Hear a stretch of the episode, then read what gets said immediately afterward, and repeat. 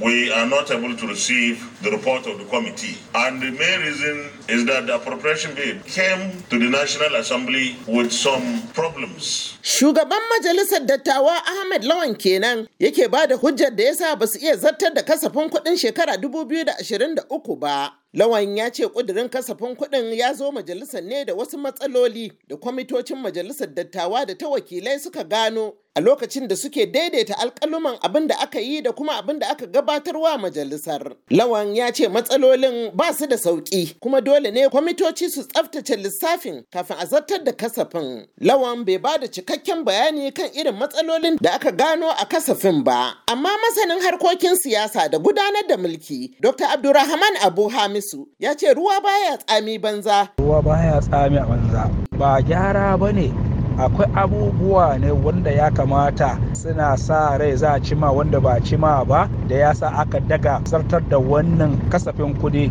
wanda ya kamata a ce an yi shi tun watan da ya gabata da watan jiya ko kuma watan yau a ce an samu kasafin kuɗi wanda za a yi aiki da shi da an shiga sabon shekara amma abin da suka sa gaba shi yake janyo wayannan abubuwan da ya sa suka zo suka ce wai sun dage wannan abin kar ki manta can baya suka ce ministries ba su zo sun bayyana a gabansu an tattauna yadda za a yi da wannan kasafin kuɗin da shugaban kasa ya kawo ba wanda suke cewa duk wanda bai zo ba ba za a ba su kasafin kuɗi ba. To karki mamaki cewa wannan dagewa da aka yi yana da alaka da wannan maganar da suka yi na kowane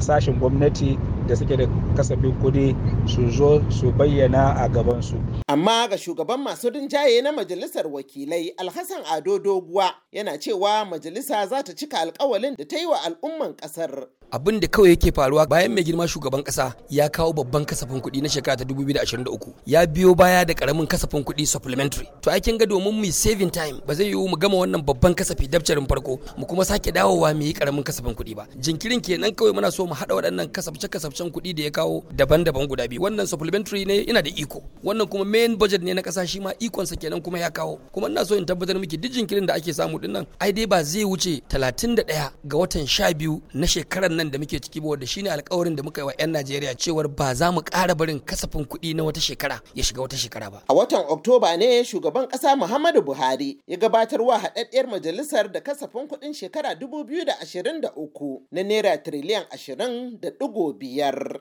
Madina Dauda, muryar Amurka daga Abuja, Najeriya.